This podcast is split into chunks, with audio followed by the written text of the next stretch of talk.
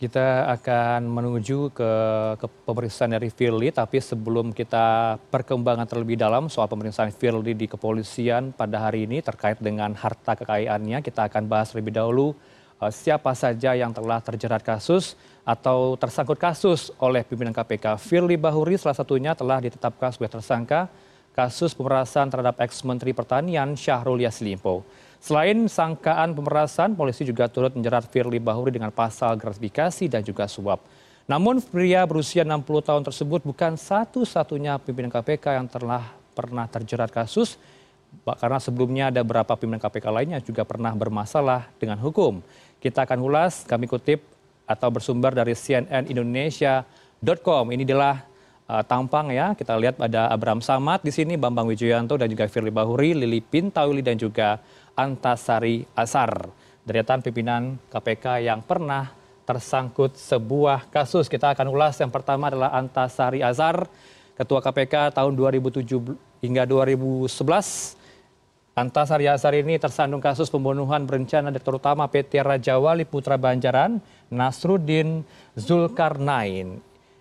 Dan Antasari dijatuhi vonis 19 tahun penjara, tapi dia mengajukan kasasi ke Mahkamah Agung tapi ditolak. Namun Antasari Azhar juga mengajukan gerasi ke Presiden. Gerasi adalah pengampunan oleh Presiden dari seorang terpidana sehingga hukuman yang dijalani hanyalah hukuman tujuh tahun dan enam bulan penjara dengan status bebas murni. Antasari Azhar bebas murni di tahun 2017, sebelumnya eh, bebas bersyarat di tahun 2016. Kita akan lihat untuk yang berikutnya siapa lagi yang terjerat sebuah kasus. Ada nama Abraham Samad dan juga Bambang Wijoyanto. Dia adalah Ketua KPK periode 2011-2015 dan juga Wakil Ketua KPK adalah Bambang Wijoyanto tahun 2011 hingga 2015. Kasus yang menjerat Abraham Samad terlebih dahulu kita tahu bahwa ia terkait dengan dugaan pemalsuan dokumen yaitu kartu keluarga KTP dan juga paspor. Sementara Bambang ini jerat dengan sangkan kasus mengarahkan kesaksian palsu. Tapi kedua orang ini mendapatkan diponering atau kasus ini atau perkara yang mereka alami dikesampingkan. Sehingga Jaksa Agung mengeluarkan diponering terhadap kasus Abram Samad dan juga Bambang Wijoyanto. Alasan lain adalah kenapa kasus ini terhenti di stop karena uh, semangat pemberantasan korupsi harus tetap dijalankan sehingga ketika mereka mendapatkan atau mengalami uh, kasus hukum akan terganggu terintervensi dari kasus hukum yang ada di KPK juga. Oleh karena itu dari dua orang ini akhirnya didoponaring oleh Jaksa Agung. Kita akan lihat ulas untuk pimpinan KPK lainnya. Ini juga Anda tahu ya, Lili Pintauli Sregar, dia merupakan Wakil Ketua KPK 2019 hingga 2023 diduga menerima tiket akomodasi dalam gelaran MotoGP Mandalika dari pihak swasta. Dia dijatuhi sanksi berat dan dihukum pemotongan gaji pokok sebesar 40 persen selama 12 bulan dan kita tahu juga bahwa dari KPK sendiri mengatakan atau Dewas KPK yang bersangkutan pernah mendapatkan sanksi etik juga oleh Dewas KPK. Dan tentunya Anda juga tahu yang satu ini, kita tahu semua ya Firly Bahuri karena masih hangat oleh publik untuk diperbincangkan. Untuk saat ini 2023 di bulan Desember status KPK selaku ketua KPK-nya adalah nonaktif dari Firly Bahuri. Kasusnya adalah dugaan korupsi termasuk pemerasan terhadap SYL mantan Menteri Pertanian. Dan selain sangkaan pemerasan, Firly juga jerat dengan pasal gratifikasi dan juga suap. Pada hari ini 27 Desember 2023, Dewas KPK telah menjatuhi sanksi berat atau sanksi etik berat terhadap Firly Bahuri dan belum memecat Firly Bahuri selaku ketua KPK. Itulah tadi ya, kita lihat bersama deretan pimpinan KPK yang pernah bermasalah atau terjerat sebuah kasus.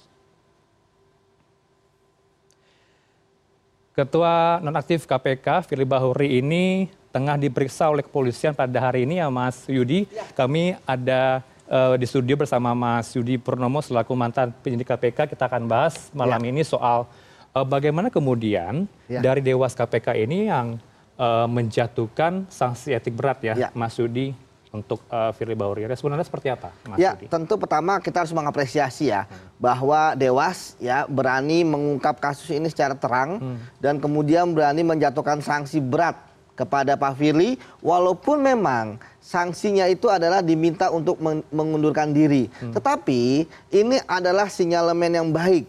Mengapa? Kita ingat sebelumnya Pak Firly itu ingin minta diberhentikan dengan hormat. Hmm. Makanya dia buru-buru mengundurkan diri. Baik. Yang kemudian ternyata salah suratnya. Hmm. Ya kan? Sehingga diminta untuk direvisi lah. Hmm. Dan dia sudah merevisi. Ya. Nah, dengan adanya putusan ini, maka sudah jelas Pak Firly itu tidak bisa diberhentikan dengan hormat oleh Pak Presiden. Maka dalam kepresnya dia harus jelas dikatakan Pak Firly itu melanggar etik berdasarkan dengan putusan Dewas. Sehingga kita harapkan Dewas juga hari ini ataupun besok ya secepatnya mengirimkan putusan ya uh, dari hasil uh, pemeriksaan etik mereka hmm. uh, dari Pak Firly kepada Pak Presiden sehingga kita harapkan bahwa Pak Firly uh, rekam jejaknya jelas bahwa dia diberhentikan tidak dengan hormat akibat pelanggaran etik seperti itu Mas. Baik. Uh, kemudian kita juga tahu ya tadi ada keterangan resmi dari Tumpak Hatorangan selaku hmm. Ketua Dewas KPK. Kenapa tidak langsung uh, dipecat Firly Bahuri tapi kita akan simak pernyataan lengkap dari Tumpak Hatorangan kita akan putarkan hmm. Mas uh, Yudi dan juga pemirsa. Ya. Kita simak apa statement selengkapnya dari uh, Tumpak Hatorangan Ketua Dewas KPK terhadap uh, kenapa tidak langsung dipecat Firly Bahuri ini. Terus kewenangan presiden yang akan memberhentikan. Dewas hanya majelis dewas hanya sampai kepada meminta yang bersangkutan untuk mengundurkan diri Nah, soal apakah nanti hormat tidak hormat itu nanti presiden yang menentukan itu. Kami tunggu ya. kepres, tunggu keputusan presiden. Ya. Ini memang uh, alurnya atau bagaimana ya, Mas? Ya, Yudi? memang ketika dulu Dewas dibentuk, ya kita kan, wah ini Dewas itu jangan-jangan punya kekuatan hebat gitu ya, hmm. ya, punya kewenangan yang, tapi ternyata tidak, ya kan? Bahwa ternyata yang bisa memberhentikan pimpinan KPK adalah presiden. Hmm. seperti itu. Dewas ya khusus untuk pimpinan KPK paling tinggi adalah mereka untuk diminta mengundurkan diri kalau melanggar etik berat. Berbeda dengan pegawai mas. Kalau pegawai dewas bisa memecat. Itulah perbedaannya. Karena memang di undang-undang dewas tidak diberikan kewenangan jelas ya.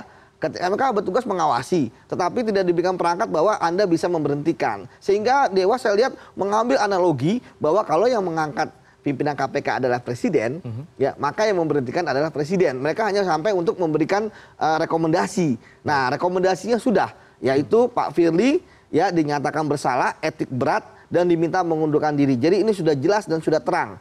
Itu sebabnya maka walaupun kemarin Pak Firly kembali mengajukan surat pengunduran diri supaya dia diberhentikan dengan hormat, menurut saya itu tidak berlaku. Hmm. Yang berlaku adalah putusan dewas. Kenapa? Karena ini sangat penting, Mas. Putusan dewas ini ya, ini merupakan upaya untuk menumbuhkan kembali kepercayaan ya masyarakat kepada KPK hmm. setelah diobrak-abrik akibat kelakuan Pak Firly. Dan kita ingat, ini kan sebenarnya baru sebatas masalah etik.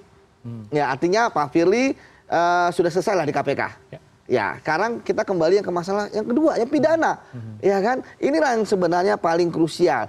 Tadi sudah dijelaskan oleh Mas ya bagaimana temuan-temuan dewas. Ya. Itu kan temuan itu hanya di permukaan saja, hanya formilnya. Mm-hmm. LKPN yang tidak benar, kemudian dugaan penyewaan, kemudian dugaan terkait dengan e, bertemu dengan e, penyelenggara negara atau menteri pertanian yang dia itu e, sedang berperkara, kan belum sampai ke materialnya. Okay. Ketika bertemu itu apa yang dilakukan? Hmm. Nah, ketika sewa menyewa itu kok bisa dia misalnya sama keluarga bisa menikmati terlebih dahulu. Kemudian ketika LHKPN, mengapa Pak Firly nggak berani memasukkan tujuh kalau tidak salah uh, kepemilikan uh, apa namanya tanah, apartemen maupun rumah, hmm. ya kan? Kenapa nggak berani? Nah itu yang harus ditelusuri oleh Polda Metro Jaya dan hmm. hari ini salah satu materi pemeriksaannya kita tahu bahwa pematerian terkait dengan aset-aset milik Pak Firly Bahuri. Kenapa? Karena ini sangat mencurigakan, Mas. Ketika orang ya tidak memasukkan suatu harta benda dia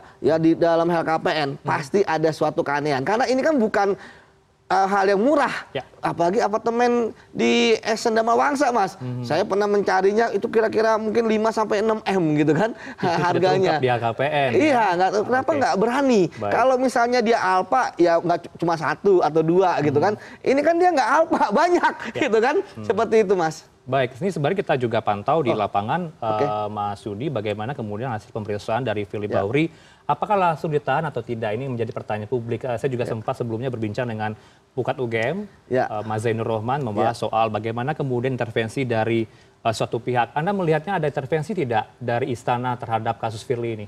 Ya, kalau saya lihat kan pertama kalau masalah intervensi, saya pikir kita belum menemukan buktinya ya. Oke. Nah, kemudian yang kedua kemarin pun ketika Pak Firly meminta pengunduran diri, ya kan eh, dari istana melalui seknek kan tidak langsung memprosesnya, karena kan ternyata tidak sesuai. Kalau misalnya istana ingin mengintervensi, ya kan, artinya ingin membuat Pak Firly istilahnya eh, turun dari pimpinan KPK dengan hormat dengan baik, kan langsung aja di apa namanya disege- disege- disegerakan untuk ya, dikeluarkan ke pres kemudian dia diberhentikan dengan hormat kan tidak baik. gitu Kem- tapi saya melihatnya bahwa penyidik ini selalu, terlalu berhati-hati gitu kan terhadap kasus ini gitu kita lihat eh, belum banyak ya eh, hal-hal yang istilahnya sebenarnya kewenangan mereka berani mereka lakukan kayak penahanan ini gitu Eh, ketika kemarin misalnya kita bisa melihat bagaimana Pak Firly mangkir itu kan bukan sekali dua kali Ya. tapi berkali-kali. Termasuk yang ini kan udah panggilan kedua. Ya, kalau misalnya hari ini nggak ditahan, besok ya penyidik uh, Polda Metro Jaya memanggil lagi. Di panggilan pertama itu nggak akan datang Pak Firly. Baik. Ya Baik. kan? Pasti dia akan datang di panggilan kedua. Seperti itu. Jadi menurut saya kan pertama Mas, ini kan berkasnya juga tahap satu loh. Ya. Artinya penyidik merasa sudah lengkap apa yang mereka lakukan, ya kan? Kemudian yang kedua, eh, saya- kalaupun ada petunjuk dari jaksa, mas, nggak banyak kok. Paling hanya menambah keterangan saksi. Kalaupun ada saksi baru juga saksinya bukan saksi vital, ya. Kemudian barang bukti pun yang dicari pun juga nggak terlalu banyak lagi gitu. Jadi eh, menurut saya, ketika misalnya penyidik eh, Polda Metro Jaya tidak menampak Firly, menurut saya itu adalah sebuah kerugian. Karena apa? Kita lihat Pak Firly sendiri bagaimana ketika pra peradilan dia mampu menghadirkan dokumen rahasia penyidikan loh, ya kan di depan pengadilan. Baik. Kita nggak tahu besok dia akan melakukan apa saja ya terkait dengan ya tadi kita saya melihat Pak Firly ini kan dia seperti orang yang sedang tenggelam. Artinya dia ingin meraih apa pun yang di atasnya supaya dia nggak tenggelam. Ya, saya takutnya kalau dia tidak ditahan, ya apalagi alasan subjektif dan objektif sudah terpenuhi, dia pasti akan ada lagi drama-drama lagi yang dimainkan. Sama seperti kemarin, ketika dia melakukan konferensi pers, ya kan eh, malam hari di sebuah kafe, besoknya nggak hadir di Dewas, ya kan? Padahal malam-malam bisa eh, kompers gitu kan terkait dengan eh, prapernya. Kemudian yang ketiga terkait dengan itu tadi, pra peradilannya Pak Firly kan juga sudah ditolak. Ya. Jadi udah nggak ada lagi upaya hukumnya. Ngapain dibiarkan Pak Firly berkeliaran di, di luar gitu kan? Mendingan masukin saja supaya apa? Supaya nanti kalau misalnya eh, jaksa mengatakan sudah P21, serahkan tersangka dan barang bukti, tersangkanya sudah tinggal diserahkan karena sudah ditahan dan menjadi kewenangan penyidik tinggal dibawa. Kalau misalnya dalam keadaan bebas dia tidak ditahan, Mas. Yang terjadi adalah dipanggil ketika jaksa sudah siap, polisi sudah siap, penyidiknya nggak datang dia. Baik. Ya kan? Seperti itu. Baik, ini kan marwah KPK tengah diuji ya, Ma, dari Betul. tahun ke tahun. Tadi saya jelaskan juga di uh, penjelasan saya, ada deretan pimpinan KPK yang terjerat kasus, mulai dari Antasari Azhar, Abraham Samad, Babang Wijoyanto, Lili Panti- Pintauli Iya, iya. Siregar, dan juga yang termasuk yang terakhir Firly. Uh, bagaimana kemudian uh, masyarakat masih bisa percaya dengan KPK? Ya, pimpinan KPK selalu berganti. Pegawainya juga ada yang direkrut, ada yang resign, ada yang mengundurkan diri. Nah, akhirnya setiap pergantian pimpinan selalu mewujudkan harapan baru. Ya, walaupun kemudian ternyata ketika zaman Pak Firly ini harapan itu berantakan. Ya. Tapi menurut saya ketika nanti tahun depan ada pimpinan yang baru lagi, ya, itu tentu akan membawa harapan lagi. Kalau pimpinan sekarang di bawah Pak Nawawi sebagai eh, ketua KPK sementara, saya pikir itu hanya meneruskan. Hanya untuk menunjukkan KPK masih ada kok, masih bekerja, masih ada empat pimpinan, tetapi masyarakat sudah tidak menganggap. Ya, karena apa? Karena sudah terlalu rusak. Bayangkan, Mas, Pak Firly di etik aja itu berlapis tiga. Ya, tiga kasus. Kemudian di eh, Polda Metro Jaya, dugaannya tadi sudah Mas jelasin, ada tiga.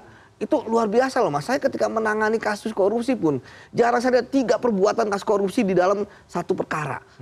Gratifikasi, pemerasan, menerima suap. Jadi sempurna yang dilakukan olehnya. Nah, eh, jadi bagi saya memang godaan menjadi pimpinan KPK itu ketika sudah menjabat itu sangat berat. Kalau nggak orang yang rekam jejaknya baik, kalau nggak orang yang berintegritas, kalau orang nggak istilahnya pu- sudah selesai dengan dirinya sendiri, artinya dia udah nggak butuh apa-apa. Kita lihat Bu Lili, bayangkan bagaimana hanya tiket menonton loh, gipi gitu, Iya, iya. reputasinya hancur. Ba- Padahal dia ada ketua wakil apa pimpinan KPK gitu kan. Padahal nonton Mandalika bisa dilakukan oleh masyarakat umum gitu kan, tinggal beli tiketnya. Ngapain dia harus mendapatkan akomodasi, tiket, udah gitu kan tiba-tiba untuk eh, menghindar dari dewan pengawas, ya dia mengundurkan diri seperti itu. Jadi Baik.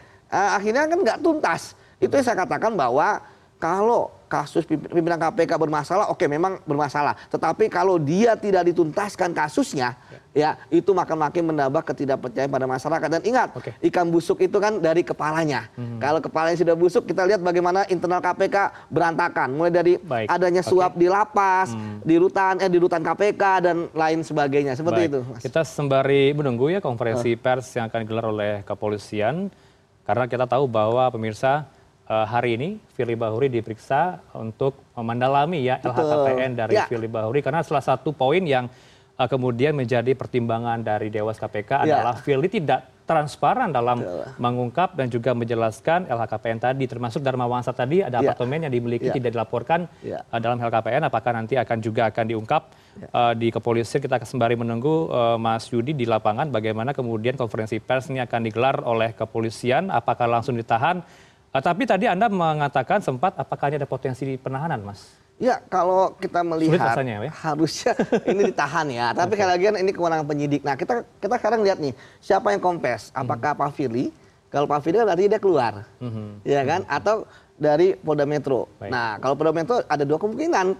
Bahwa mengatakan dia dari tahan atau bisa mengatakan ditahan. Namun bagi saya gini, kalau Pak Firly pun ditahan, maka dia harus sama seperti pelakuan yang lain. Memakai rompi orange, diborgol gitu kan. Eh, kemudian juga diperlihatkan pada publik. Dan KPK juga seperti itu juga. Jadi asas eh, kesetaraan lah, egaliter. Lalu kita lihat betul mas, kita lihat dulu nih Baik, seperti Anda kan apa. se- selaku mantan penyidik KPK Betul. tentu tahu uh, banyak kasus yang yang Anda uh, ungkap begitu ya. Apakah memang se- seorang pimpinan KPK atau seorang penyidik itu gampang sekali untuk bertemu dengan pihak yang berperkara di lapangan? Enggak lah mas, Mhm. itu yang saya kaget. Saya aja mas kalau misalnya ke mall bersama keluarga, gitu kan, kemudian nggak nggak sengaja berpapasan dengan saksi aja. Oke. Kadang-kadang saya lupa saksi apa. Tiba-tiba bilang saya ini saksi gitu. Mhm. Saya langsung langsung melapor, walaupun hanya dua detik aja pertemuan seperti Baik, itu. kita simak.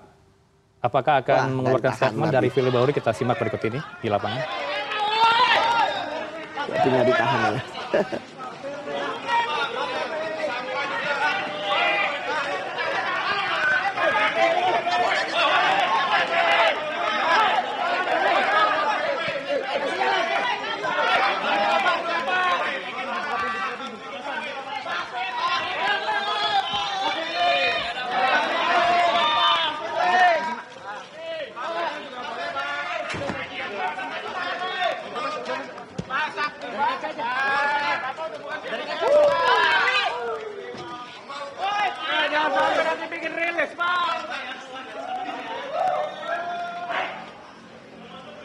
Baik, kita simak tadi pemirsa di lapangan di Baris Krim Polri, eh, Firly Bahuri ini ketua KPK nonaktif langsung menuju mobil. Tadi diinformasikan bahwa kita lihat bersama visualnya di borgol tapi tidak menggunakan rompi penahanan begitu ya. Iya. Nampaknya langsung ke lapas atau bagaimana tapi eh, itu masih ke rumah ini ya, rumah Itu pribadi begitu ya. Masih ke rumah, masih mungkin merayakan tahun baru di rumah. Oke. Baik, eh, apakah ada statement dari kepolisian kita akan juga nantikan di Baris Polri tapi kita lanjutkan kembali dialog ini Mas. Ya. Eh, Yudi seperti yang katakan tadi tidak gampang untuk bertemu dengan pihak yang berperkara di lapangan.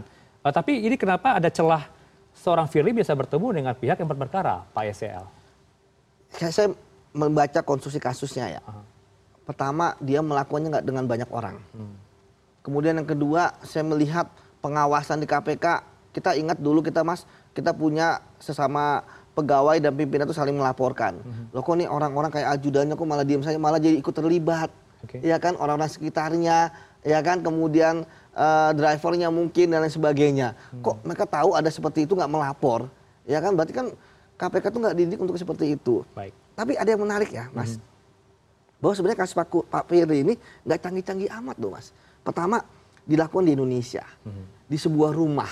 Kemudian yang kedua melibatkan uang tunai. Baik. Kemudian melibatkan orang terdekat dia. Dan Oke. yang paling penting dia menukarkan falas di di apa money changer. Oke. Kan ketahuan seperti itu, Mas. Baik, closing statement Mas Yudi, apa yang Anda harapkan dari kasus Firly ini sehingga ke depan tidak ada Firly-Firly berikutnya? Ya, pertama tentu kita berharap bahwa nanti ketika dia sudah sampai ke persidangan, ya kemudian hakim mau memvonis berat gitu kan supaya apa? Supaya tadi efek jerah. Kemudian yang kedua bagi pimpinan lain ya maupun pegawai lain ini sudah menjadi hal yang terakhir lah. Baik. Jangan sampai ada firi-firi yang lain seperti itu, Mas. Baik, kita harapkan bersama bahwa tidak ada lagi pimpinan dari petinggi lembaga negara khususnya yang menangani kasus hukum ini terjerat kasus begitu ya, Etik memalukan maupun begitu. pidana. Etik maupun pidana. Siap. Terima kasih atas waktu Anda di studio malam ini bersama kami di Prime News. Mas Yudi Purnomo mantan penyidik KPK. Terima kasih. Selamat malam Mas. Selamat malam, Yudi. Mas. Salam Siap. sehat. Sama-sama. Baik.